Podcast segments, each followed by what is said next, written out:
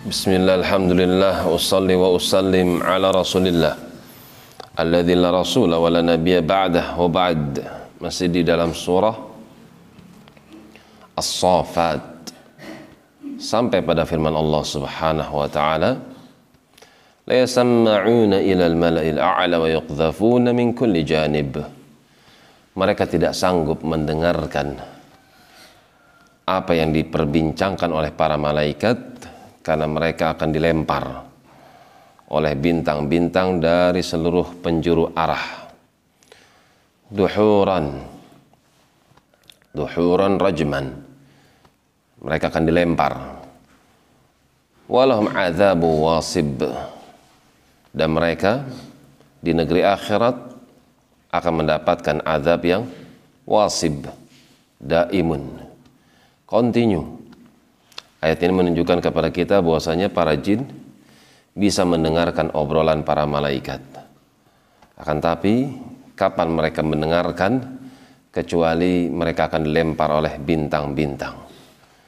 Siapa yang kena di antara mereka maka mereka akan binasa di dunia dan di akhirat mereka akan mendapatkan adab yang wasib, yang kontinu. Illa man khotifal khotfata kecuali apa yang mereka dapat dengar al-khatfah al-khatfah kalimah yasirah. Cuma sedikit aja.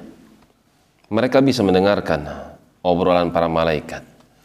Banyak di antara mereka para malaikat yang ditugaskan oleh Allah untuk menggiring angin menggiring air hujan berbagai macam tugas yang Allah tugaskan kepada mereka para malaikat di mana para malaikat tersebut berbincang-bincang akan tugas-tugas mereka.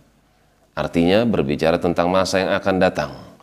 Maka mereka para jin adalah pesuruh-pesuruh para dukun untuk mendapatkan berita gaib.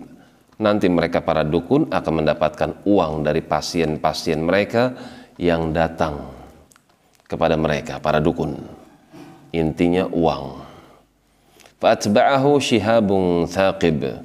Akan tapi, tidaklah mereka para jin mendengarkan ucapan obrolan para malaikat kecuali mereka akan diatba'ahu akan disusul akan dilempar dengan syihab bintang yang thaqib yang bersinar. Al-Imam Ibnu Kathir rahimahullahu taala membawakan athar dari Ibnu Abbas radhiyallahu taala anhuma. Bahwasanya para syaitan dulu biasa duduk-duduk di atas langit. Langit dunia dan mereka belum dilempar oleh bintang-bintang. Akan tapi manakala mereka turun dan mereka kembali dan mereka ingin duduk dan mereka ingin kembali mendengarkan obrolan para malaikat, ternyata mereka tidak mendapati ruang lagi.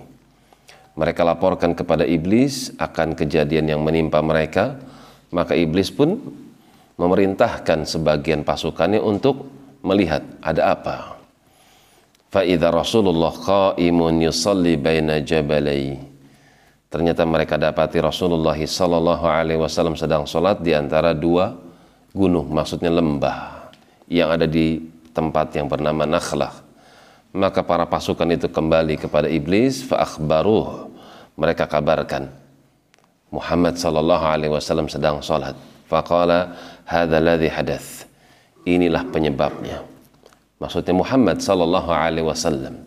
Diutusnya Muhammad sallallahu alaihi wasallam sebagai nabi dan rasul, maka tidak lagi terbuka ruang bagi para jin untuk duduk-duduk bebas di atas langit mendengarkan obrolan para malaikat.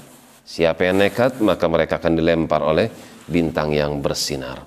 Demikian wallahu taala alam bis